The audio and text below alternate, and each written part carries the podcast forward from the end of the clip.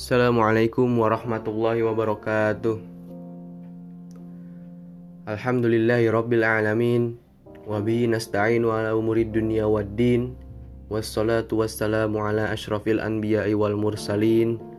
Wa ala alihi wa ashabihi ajma'in. Amma ba'du. Puji syukur kehadirat Allah subhanahu wa ta'ala Yang dengan limpahan rahmat serta karunia-Nya kita masih dapat merasakan nikmatnya dunia ini. Yang insya Allah Allah berkahi. Amin ya rabbal alamin. Salawat dan salam semoga selalu tercurah kepada Nabi Muhammad wasallam yang dengan diutusnya risalah langit tertutup dan dengan diutusnya pula akhlak ke manusia yang tadinya masih berbuat kejahiliahan masih dalam kesesatan, keburukan, menjadi lebih baik lagi dengan adanya Islam yang terang benderang sampai saat ini. Amin ya Rabbal 'Alamin. Semoga kita semua dapat menerima syafaat beliau di umul kiamah kelak. Amin ya Rabbal 'Alamin. Pada kesempatan kali ini, kita akan membahas peristiwa penting bagi sejarah umat Islam, yaitu pembebasan kota Mekah atau biasa disebut Fatu Mekah. Fatu Mekah ini terjadi pada tahun 630 Masehi, tepatnya pada tanggal 10 Ramadan 8 Hijriah, di mana Rasulullah Shallallahu Alaihi Wasallam bersama kurang lebihnya 10.000 pasukan kaum muslimin menyerang kota Mekah dan mengambil alih kota Makkah dari cengkraman kafir Quraisy. Beliau berangkat dari kota Madinah Ba'da Asar bersama pasukannya. Peristiwa ini terjadi karena adanya pengkhianatan dari kafir Quraisy dan suku yang yang berpihak kepada kafir Quraisy. Dalam perjanjian Hudaybiyah sudah disebutkan Ayat ketiga yaitu diperkenankan siapa saja di antara suku-suku Arab untuk mengikat perjanjian damai dan menggabungkan diri kepada salah satu dari kedua pihak, yaitu pihak kaf, pihak Muslim dan pihak Quraisy, kafir Quraisy. Ketika itu, suku Kuza'ah menjalin kerjasama dan mengikat perjanjian pertahanan dengan Nabi Shallallahu Alaihi Wasallam dan Bani Bakar memihak kepada kaum kafir Quraisy. Jadi ada pengkhianatan dari kaum Bani Bakar nih. Bani Bakar ini mendapatkan senjata, mendapatkan perlengkapan dari kafir Quraisy gitu. Pengkhianatan itu jadi di suatu malam saat orang-orang Bani Khuza'ah sedang beristirahat di perkemahan mereka, tiba-tiba ada mata-mata tuh yang mengintai. Mata-mata ini adalah orang-orang dari Bani Bakar. Mereka memiliki senjata yang lengkap, pedang, um, baju besi dari orang-orang kafir Quraisy gitu. Mereka menyerang Bani Khuza'ah yang sedang tertidur pada saat malam itu. Sehingga Bani Khuza'ah banyak yang dita banyak yang ditawan dan dibawa ke kota Mekah. Syukurlah ada salah seorang dari Bani Khuza'ah yang bebas gitu, yang kabur, yang lari. Ia bernama Amir bin Salim. Amir bin Salim ini pergi ke kota Madinah jadi dari kota Makkah beliau langsung pergi ke kota Madinah dengan kudanya sangat cepat sekali dan langsung menghampiri rumah Rasulullah saat masuk gerbang Madinah. Lalu mengadu lalu mengadukan kejadian tersebut kepada Rasulullah. Ya Rasulullah, ada pengkhianatan dari suku kafir suku Bani Bakar dan kafir Quraisy. Rasulullah pun akhirnya bertanya lagi dengan lebih jelas kepada Amir bin Salim ini apa yang sebenarnya terjadi?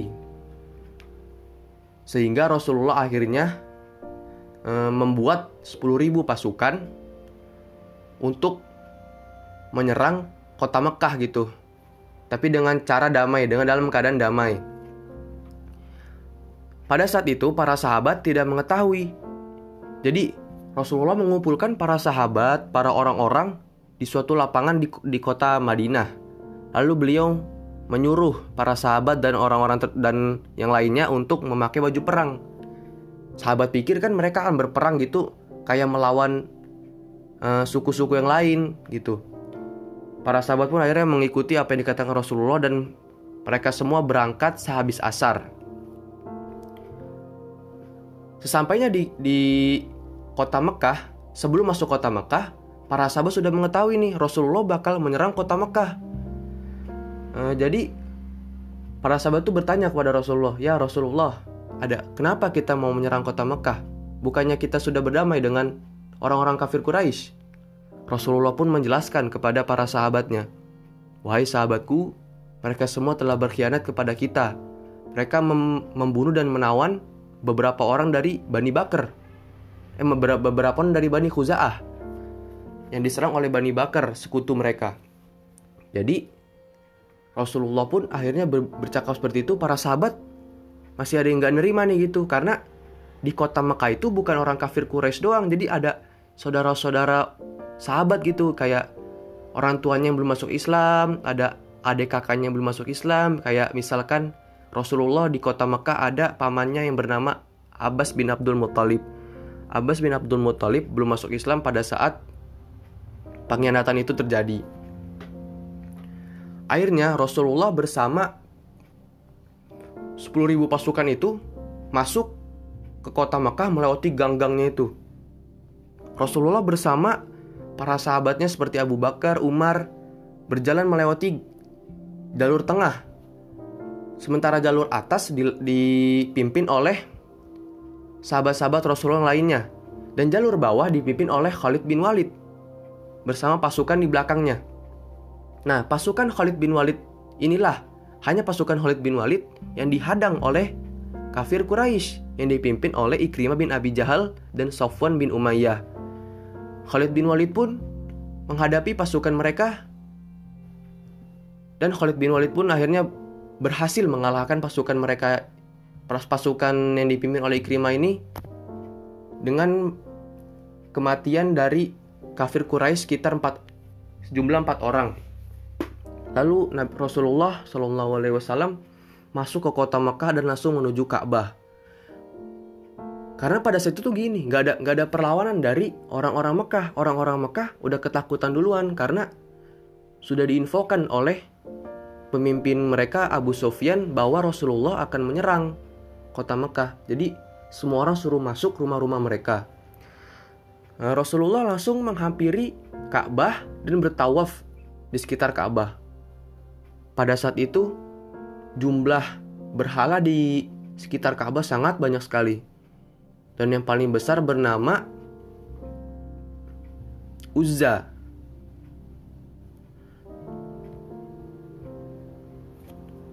Berhala yang paling besar itu adalah bernama Hubal, bernama Hubal. Berhala yang paling besar di kota Makkah pada saat itu bernama Hubal. Berhala Hubal inilah jadi semua berhala itu dihancurin sama Rasulullah dari berhala yang kecil, yang bentuknya aneh-aneh gitu dihancurin sama Rasulullah dan disisakan eh, berhala Hubal ini yang paling besar.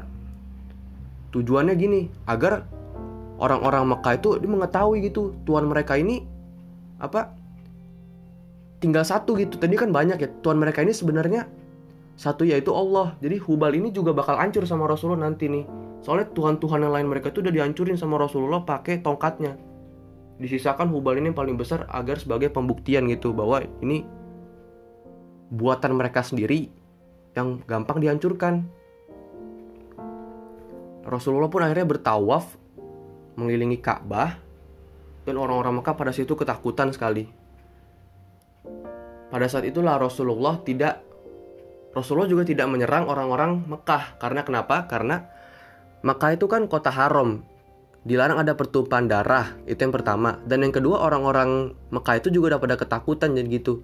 Rasulullah nggak nggak mau menyerang, nggak mau membunuh, kecuali yang bener-bener ngebrontak banget gitu. Akhirnya Rasulullah SAW menjamin keselamatan mereka semua dan membolehkan mereka semua untuk keluar dari rumah mereka masing-masing.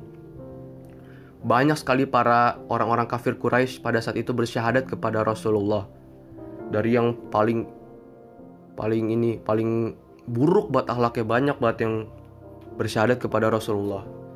Pada saat bertawaf, Rasulullah menyuruh Bilal untuk naik ke atas Ka'bah dan mengumandangkan azan pertama di kota Mekah.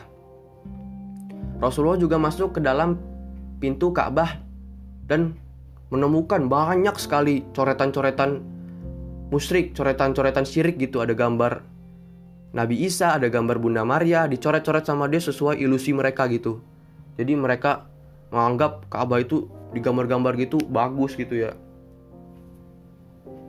Jadi itulah penaklukan kota Makkah dari yang tadinya kekafiran banget. Jadi dari yang tadinya kota yang jahiliyah banget. Orang-orangnya syirik, orang-orang suka bermaksiat saat Rasulullah datang menjadi kota yang suci kembali. Sekian dari saya. Kurang lebihnya mohon maaf jikalau ada ada yang kurang atau kesalahan kata mohon dimaafkan. Bilahi taufik wal hidayah. Wassalamualaikum warahmatullahi wabarakatuh.